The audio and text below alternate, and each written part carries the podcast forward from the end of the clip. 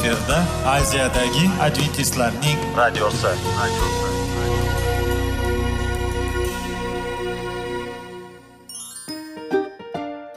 Assalomu alaykum aziz radio tinglovchilar. Sog'liq daqiqasi rubrikasiga xush kelibsiz. Zero tananing sog'lom bo'lishi va uning kasalliklardan saqlash har bir insonning burchi hisoblanadi. Inson uchun bebaho boylik bu sog'liq salomatlikdir uni asrash esa har birimizga omonat qilib berilgan. Shuning uchun ham inson o'z sog'lig'ini ehtiyot qilishi voajib amallardan hisoblanadi. Dono xalqimiz sog'liq tuman boylik deb bejiz aytmagan. Aql idroq sohibi bo'lgan inson o'z hayotini qadrlashi lozim bo'ladi. Hozirgi kunda qanchalik dori darmonlar ko'paymasin tibbiy muassa sifati shifokorlar vasiyasi tibbiy texnika yaxshilanmasin.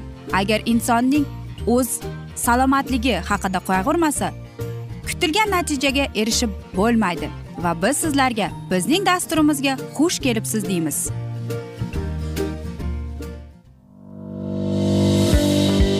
Sog'liq daqiqasi soliqning kaliti qiziqarli ma'lumotlar faktlar. Har kuni siz uchun foydali maslahatlar. Sog'liq daqiqasi rubrikasi Vegas.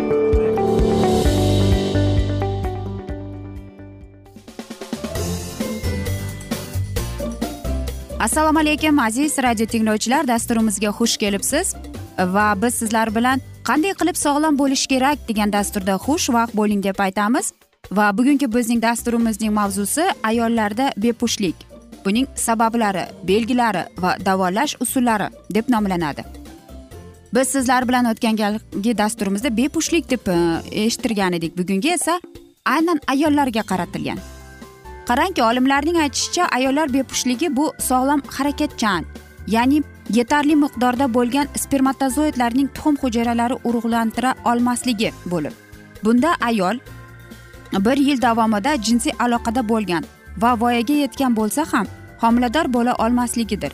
Bundan tashqari bepushtlik deb homiladorlikning homila tashlash bilan tugashiga ham aytiladi. Bepushtlikka duchor bo'lgan nikoh o'n yoki yigirma e, foiz hollarda uchraydi. Ayollar bepushligi homiladorlikni to'xtatishi bilan farqlash kerak. Bunda spermatozoidlar tuxum hujayralarini urug'lantira oladi lekin ayol organizmi homilani ushlab qololmaydi va u embriogenez davrida nobud bo'ladi. Bepushtlik muammosi hozirgi kunda eng dolzarb muammolardan biridir. Chunki jinsiy a'zolar kasalliklari kundan kunga ko'paymoqda. Bepusht oilalari yuz foizda deb olsak ularning o'ttiz uch foizga erkaklar sababchisi o'ttiz uch foizi esa ayollar sababchisi bo'lar ekan.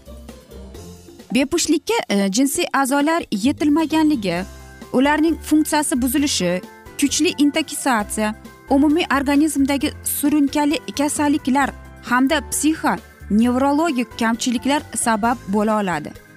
Bepushtlik mustaqil kasallik emas u har doim boshqa biror bir kasallik natijasida kelib chiqadi. Ayollarda ko'pincha yalliqlanish kasalliklari sababli bepushtlik kelib chiqadi. Yana hayz sikli. Bepushtlikka sabablardan biri hayz siklining buzilishi ham bo'lishi mumkin. Normada hayz sikli ya'ni yigirma besh o'ttiz besh kun davom etadi va uchta fazadan iborat. Follikulyar faza tuxum hujayra yetilishi ya'ni yetti kundan yigirma ikki kungacha. Ovulyatsiya fazi bu tuxum hujayra yetilishi va ajralib chiqishi. Urug'lanishga tayyor davri va lyutein fazasi bu sariq tanacha davri o'n uch kundan o'n besh kungacha. Ushbu davrlar ichidan ayollarning homilador bo'lish imkoniyati ovulyatsiya davrida eng yuqori darajada bo'ladi. Bepushtlik klassifikatsiyasi birlamchi homilador umuman kuzatilmagan. Tug'ma ginekolog anomaliyalar ayollar jinsiy a'zolari kasalliklarida hayz ko'rgandan keyin homilador bo'lish qobiliyati yo'q. Ikkilamchi avval homilador bo'lgan lekin hozirgi paytda homilador bo'la olmaydi. Umuman davosiz yoki davolab bo'ladigan xillari bor. Ba'zi adabiyotlarda ayollar jinsiy tizimi fiziologiyasi va patofiziologiyasiga asoslanib bepushtlikning quyidagi tasvini ham bor.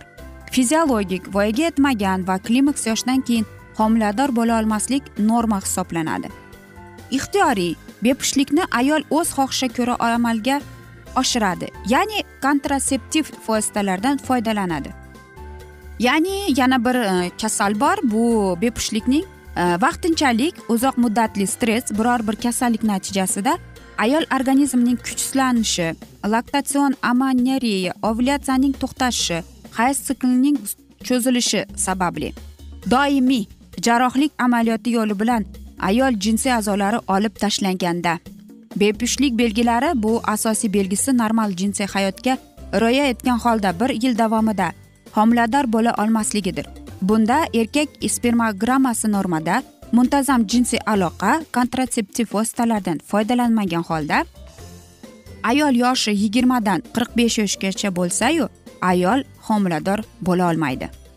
Bepushtlikda patologik belgilar kuzatilmaydi ya'ni uning yakkol simptomlari yo'q. Bu kasallik anamnez umumiy ko'rik laborator va instrumentlar tekshiruvlar orqali aniqlab olinadi deydi.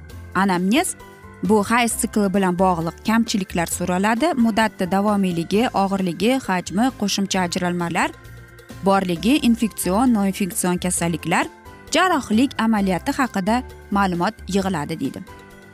Albatta aziz do'stlar e, buning sabablari juda ko'p deyiladi. Ya'ni jinsiy a'zolar tug'ma anomaliyasi orttirilgan jinsiy a'zolar kasalliklari e, moddalar almashuvida disbalans ginekolog kasalliklarga bog'liq bo'lmagan sabablar fiziologik jihatdan yosh o'tganligi homiladorlikka qarshi preparatlarni uzoq muddat qo'llash. Ya'ni aziz do'stlar biz sizlarga aytib o'tganimizdek e, mana shunday ikki bora ikkinchi bora ham e, homilador bo'lmaslik. Bunga nima olib keladi? Bepushtlikni chaqiruvchi kasallikning anatomik joylashuvi genetik anomaliyalar salbiy turmush tarzi natijasida kelib chiqqan psixonervolog kasalliklar. Aziz do'stlar aziz ayollarimiz. Albatta bu e, qo'rqinchli eshitilishi mumkin bepushtlik deb. Lekin aziz do'stlar e, hamma ham hollarda erkaklar e, ya'ni faqat ayollar sababchi emas erkaklarimizning ham mana shunday kamchiligi bo'lib turar ekan. Biz esa aziz do'stlar mana shunday asnoda afsuski bugungi dasturimizni yakunlab qolamiz chunki vaqt birozgina chetlatilgan. Lekin keyingi dasturlarda albatta bundanda qiziq va foydali dasturlarni o'qib eshittirishga harakat qilib ko'ramiz. Va sizlarda agar savollar tug'ilgan bo'lsa biz sizlarni whatsapp raqamimizga taklif qilib qolamiz. Plyus bir uch yuz bir yetti yuz oltmish oltmish yetmish raqami bizning whatsapp raqamimiz. Yana bir bor qaytarib o'taman. Plyus bir uch yuz bir yetti yuz oltmish oltmish yetmish raqami. Va agar e, sizlarni qiziqtirgan savollaringiz bo'lsa sizlarni salomat klub internet saytimizga taklif qilib qolamiz. Va umid qilamizki bizni tark etmaysiz deb chunki oldinda bundanda qiziq va foydali dasturlar kutib kelmoqda. Biz esa sizlarga va oilangizga tinchlik totuvlik tilagan holda o'zingizni va yaqinlaringizni ehtiyot qiling deb sizlarga maslahat beramiz. Yuzingizdan tabassum hech ham ayrimasin deymiz.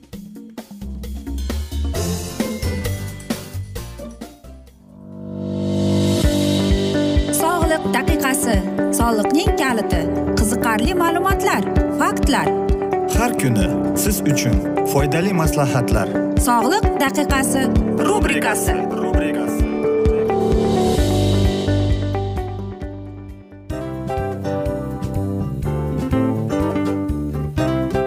Mana ha hayotda hamma narsaning yaxshi narsalar tugaydi va yakunlaydi degandek bizning dasturimizga ham yakun keldi. O'ylaymanki bizning dasturimiz sizga foydali bo'ldi deb aziz radio tinglovchimiz va siz? O'zingiz uchun kerakli xulosalar kerakli maslahatlar olib oldingiz. Aziz radio tinglovchimiz biz bilan qoling va keyingi dasturlarimiz albatta undanda qiziqroq bo'ladi. Mana shu alfozda sizlar bilan xayrlashib qolaman.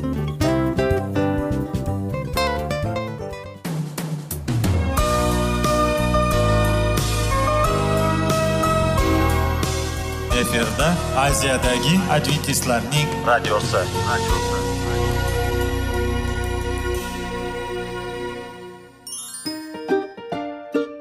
Assalomu alaykum aziz radio tinglovchilarimiz. Dil izhori dasturimizga xush kelibsiz. Pul insonni baxtli qiladimi? Albatta yo'q. Sog'liqchi albatta bo'lishi mumkindir. Lekin olimlar shuni isbotlashdiki to'liq va mukammal munosabatlar insonlarni baxtli qilar ekan. Albatta biz hayot davomida biz yaqin insonlar bilan odamlar bilan aloqada bo'lamiz va ular bilan munosabatlarimiz qanday kechadi qanday tuziladi? Yigit va qiz er va xotin ota ona va farzandlar va yaqin insonlar bilan. Balkim hozirgi vaqtda kimnidir hayoti yoki munosabatlari buzilyapti. Va bizning dasturlarimiz ularga yordam bo'ladi deb.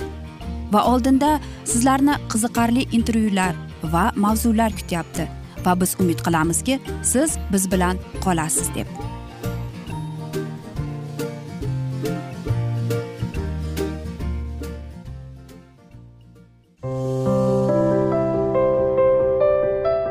Har kuni har xil kasbdagi odamlar bilan sirlashish va bo'lishish sevgi rashq munosabat.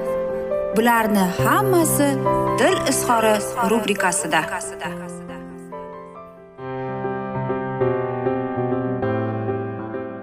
Assalomu alaykum aziz radio tinglovchilar. Dasturimizga xush kelibsiz va biz sizlar bilan oila va nikoh degan dasturda xushvaqt bo'ling deb aytamiz. Va bugungi bizning dasturimizning mavzusi ajrashuv. Eski azoblardan qutulish deb ataladi. Albatta Э, bilasizmi? Ajrashuv deganda ikki inson turmush quradi lekin ayrim sabablarga ko'ra ajrashuvga to'xtalib o'tadi. Va men o'ylaymanki mana shu asnoda ikki juftlik er ham xotin ham o'ziga o'zi savol beradi. Qayerda noto'g'ri qadam qo'ydim ekan deb. Nega bizning oilamiz aynan mana shu mana shunday qarorga keldi deb. Lekin ikkalasi ham bir biridan aybni izlay boshlaydi. Lekin agar chuqurroq qarab ko'rsak buning tubi judayam achinarli. Bilasizmi? Ajrashuvga sabablar ko'p bo'lishi mumkin. Gohida ko'p marotaba e, ko'p bora mana shu iborani eshitganmanki biz bir birimizga to'g'ri kelmadik. Mos emas edik degan so'z. Men mana shunday deyishganimda o'ylanib qolaman. Nega bular shunday deyaptikan deb? Nega biz bir birimizga to'g'ri kelmadik? Yoki ular mana shu insonni tanlab ular bilan turmush qurganida ular nima o'yladiki? Bu mukammal inson debmi? Yoki o'zi mukammalmikin? Yo mana shunday insonlar hech bir o'ylab ko'rganmikin? O'zi bu dunyoda mukammal insonlar bormikin? Albatta yo'q aziz do'stlar. Mukammal insonni o'zi yo'q. Har bir inson xatoga yo'l qo'yadi. Lekin nega oilalar aynan ajrashuvga kelganda mana shunday qarorini jamiyat qilib qo'yadi? Nega mana shunday juftliklar agar o'rtada farzandlar borsa farzandlarini o'ylamaydi? Nega mana shunday juftliklarni ko'rganimizda o'zimizga ham savol bermaymiz? Nega ular ajrashyapti? Albatta e, yuqorida aytib o'tganimdek sabab ko'p bo'lishi mumkin. Ba'zi bir e, joylarda aytadiki E, ko'p e, bunaqasini ham eshitganman. Erim piyonista yoki erim meni uradi. Va hokazo. Bu faqat bilasizmi ayollarning fikri bo'lib chiqadi. Lekin erkak kishini eshitganimizda erkaklar ayollarda mukammallikni istaydi. Lekin u noto'g'ri ikki inson mana shunday agar chetdan turib qarasak bu degani ikki inson e, bir biridan mukammallikni kutadi. Lekin ikkalasi ham mukammal emas aziz do'stlar. Shuning uchun agar siz turmush qurgan bo'lsangiz va oilangizda tinchlik yo'qolgan bo'lsa unda mana shu oilani saqlab qolishga harakat qilish kerak aziz do'stlar. Hech qachon bo'ldi ajrashamiz gap tomon. Yo'q aziz do'stlar o'tirib bexotirjam gaplashib. Bilasizmi eng achinarlisi mana shunday vaziyatda bolalarga ichingiz og'rib qoladi. Va eng achinarlisi shuki mana shu er xotinga qarab o'ylanib qolasiz. Qachonlardir ular bir birini sevib qachonlardir bir biridan mehrini ayamasdan ular turmush qurishgan. Lekin nega aynan vaqt o'tgandan keyin mana shu joyga olib kelib qo'ydi? Nega bular ajrashuv qaroriga keldi ekan deb? Albatta ajrashasizlaring. Ajrashib ketib va yangi oila qursangiz ham yangi munosabatlarni boshlagan chog'ingizda ham. Lekin eski munosabatlaringizni unutolmaysiz. Chunki bu yurakda qolgan ko'ngilda qolgan narsa. Va albatta bilasizmi ajrashuv bu judayam qo'rqinchli so'z. Va men shunday xohlardimki mana shu oilalar turmush qurib ikki juftlik turmush qurib bir umrga birga qolsa. Mana agar hozirgi bilan o'tgan galgi asrdagi oilalarni teng qilsak qarangki yetmishinchi oltmishinchi saksoninchi to'qsoninchi yilda ajrashuvlar naqadar past bo'lgan foizi? E, chunki bizning ota onamiz ajrashuv degan xayoliga ham kelmagan. Qarang hozirgi zamonda yigirma yil o'ttiz yil birga yashab qo'ydi desak qulog'imizga xuddi bir eski zamondan qolgan bir ajoyib bir so'zdek tinglanadi. Ko'rdingizmi? Agar hozirgida aziz do'stlar qarangki men bilamanki yaqinda mana internetdan qarab chiqdim. Agar siz o'n yildan oshiq yashasangiz mana psixologlarning aytishicha demak deydi siz bir biringizni tushunib o'rganib eshitishni o'rganib oldingiz deb aytadi. Lekin deyapti birinchi ikki yil judayam qiyin bo'ladi chunki ikki inson o'zlarini yangi tomondan ochar ekan.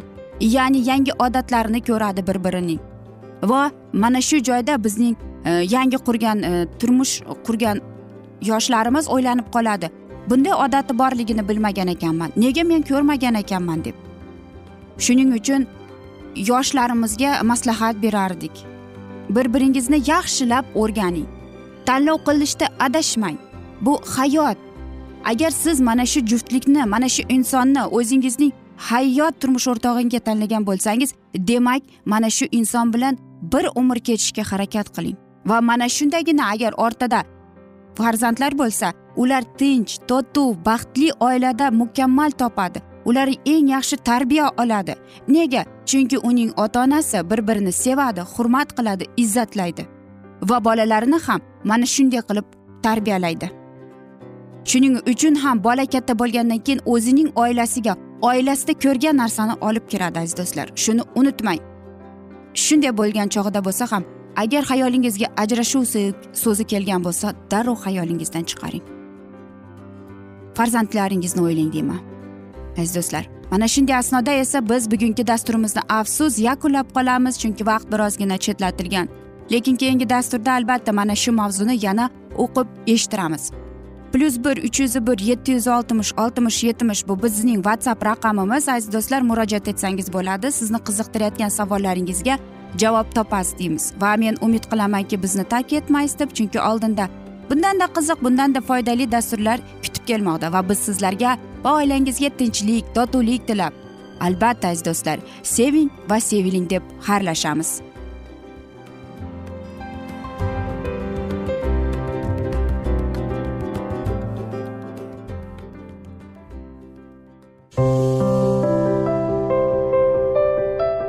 Har kuni har xil kasbdagi odamlar bilan sirlashish va bo'lishish. Sevgi rashq munosabat bularni hammasi dil izhori rubrikasida. Mana aziz radio tinglovchimiz bizning go'zal va foydali va chiroyli dasturimiz yakunlanib bormoqda. Sizlarga birozgina maslahat berib o'tmoqchi edik. Bir biringizni seving qadringizga yeting. Va erkalang albatta bir biringizni va sizga judayam chiroyli va mustahkam munosabatlar tilab qolamiz albatta. Sevgilingiz doimo yoningizda bo'lsin. Mana shu borada sizlar bilan xayrlashib qolamiz. Xayr.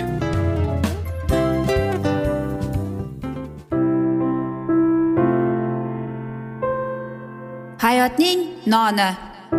Qiziqtirgan savollar va javoblar. Buning hammasi ko'ngil uchun oziqa rubrikasida.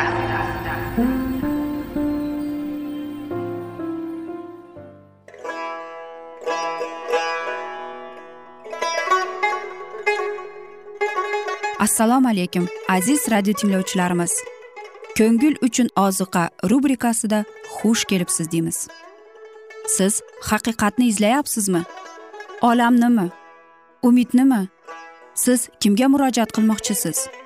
Odamlar ko'pincha siyosat kuchiga tayanadilar. Dunyo iqtisodiyoti holati tobora chuqurlashib bormoqda. Tabiiy ofatlar va texnogen halokatlar minglab insonlarning hayotini olib ketib juda katta zarar yetkazmoqda. Sizga abadiy hayot inomini hadya qiluvchi va hayotingizni tubdan o'zgartiruvchi haqiqatni izlab toping. Xudo haqidagi haqiqat uning kalomida mujassamlashgan. Kimki bu haqiqatni butun qalbi bilan izlasa albatta unga yetishadi. Bu sevgi xudoning tarixidir. Hayotingizda yoki sizning yon atrofingizdagi olamda nimalar yuz berishidan qat'iy nazar? Siz ertagi kunga buyuk umid va ishonch hosil qilishingiz mumkin. Hozirda xudo sizga taklif qilayotgan umid ishonchga o'z qalbingizni oching va sizni qiziqtirayotgan mavzularni savollaringizga javoblaringizni topib olasiz deb umid qilamiz. Biz bilan qoling.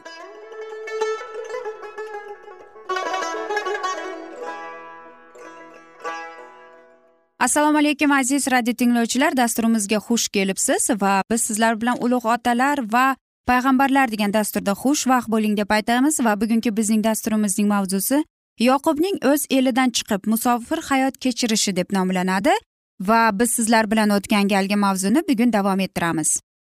Endi yoqub birinchi bo'lib o'z yordamini taklif etdi. Quduq og'zidan toshni yumalatib yubordida tog'asi lobonning qo'ylarini sug'ordi.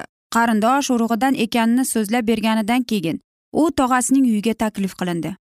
Yagonalikda bo'sh qo'l e, kelganiga qaramay bir necha hafta muddatida u sinovdan o'tib tirishqoq va bilimli ekanligiga xonadondagilar ishondilar va qattiq turib uni qolishga iltimos qildilar. Tog'asi lobon va yoqub orasida shartnoma tuzildi. Shartnoma bo'yicha yoqub sevib qolgan rohila uchun yetti yil xizmat qilishiga rozi bo'ldi. Qadimgi zamonning urf odatlari nikoh oldidan kuyov sharoitiga munosib kelinning otasiga belgili mablag' yoki mablag'ning bahosiga teng bo'lgan boshqa qimmatli narsani talab qilardi. Bu an'anani nikohning kafilligi sifatida qabul qilinardi. Agarda kuyov yigit kelgusi oilasining moddiy farovonligini qondirolmasa ota ona o'z qizini shunday kuyovga ishonib topshirishni xatarsiz deb shunday e, topmasdilar. Agar kuyov yigit o'z xo'jayligini boshqarishda yer va molga yetishishda kerakli darajada tejamkorlik va quvvatligini namoyon etolsa etolmasa u o'z hayotida hech narsaga yetisha olmasligini xavotir tug'dirardi. Lekin xotin olganda to'laydigan bir tiyin bo'lmaganlari uchun boshqa shartnoma tuzilardi. Ular sevikli qizga yetish uchun otasiga xizmat qilib kerakli bo'lgan mablag'ni ishlab topmog'i nazarga olinar edi. Yosh yigit shunday vaziyatda o'zini har tomondan diyonatli va sazovor bo'lib ko'rsatganiga unga qizini xotinlikka berardilar. Otasi esa qizi uchun topgan to'lovni to'y oldidan unga topshirardi. Rohila va leya bilan boshqacha bo'ldi. Ularga tayinlangan sarpalarni lobon qizlariga bermay o'zligicha tutib qoldi. Shu bilan g'arazqo'yligi namoyon qildi. Ularning mesopotamiyadan chiqayotib u bizlarni sotdi pulimizni ham yedi degan so'zlarni shu otalarning muammosini ko'zda tutar edi.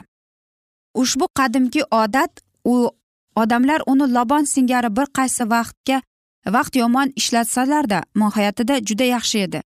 Yosh yigit xotin qilib oladigan qizi uchun xizmat qilganida nikoh ko'chilardi shunda kuyovning oilani ta'minlash qobiliyati va ikki tomon hislarining chuqurligini sinalardi. Bizning davrida ko'p yomonlik qilinganining sababi oila yengiltallik ila tuzilishdir.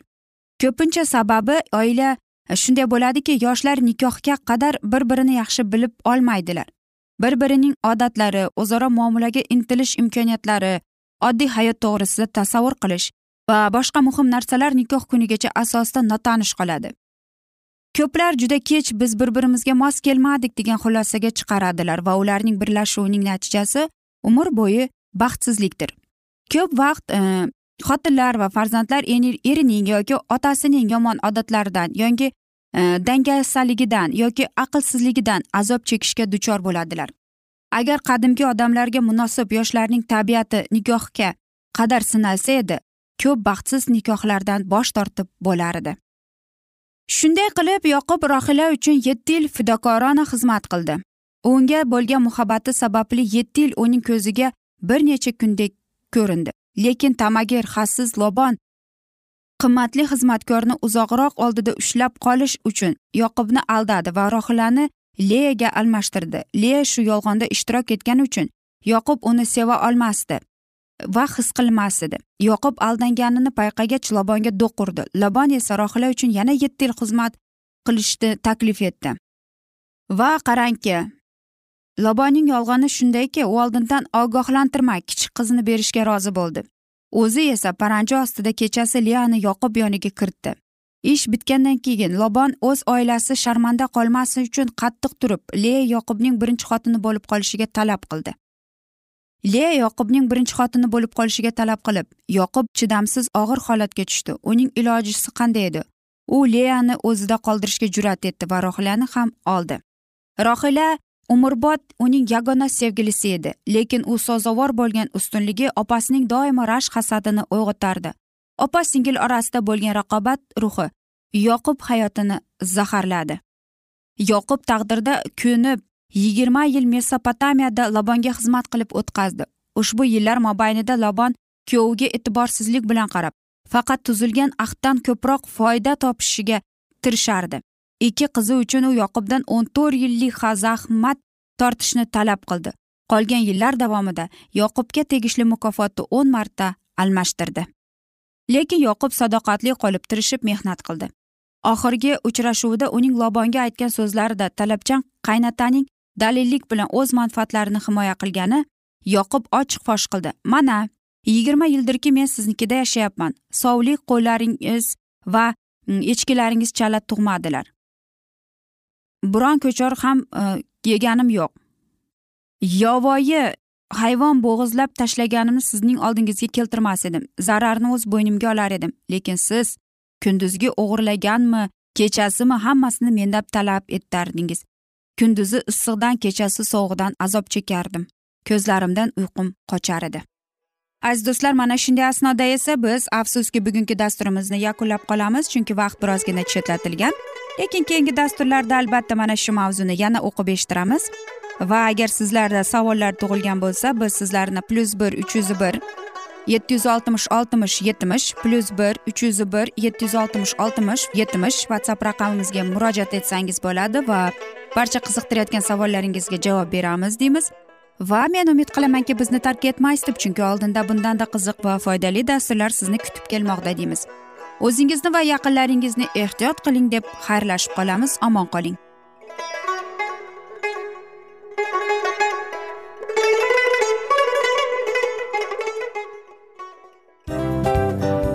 Hamma narsaning yakuni bo'ladi degandek afsuski bizning ham dasturlarimiz yakunlanib qolyapti.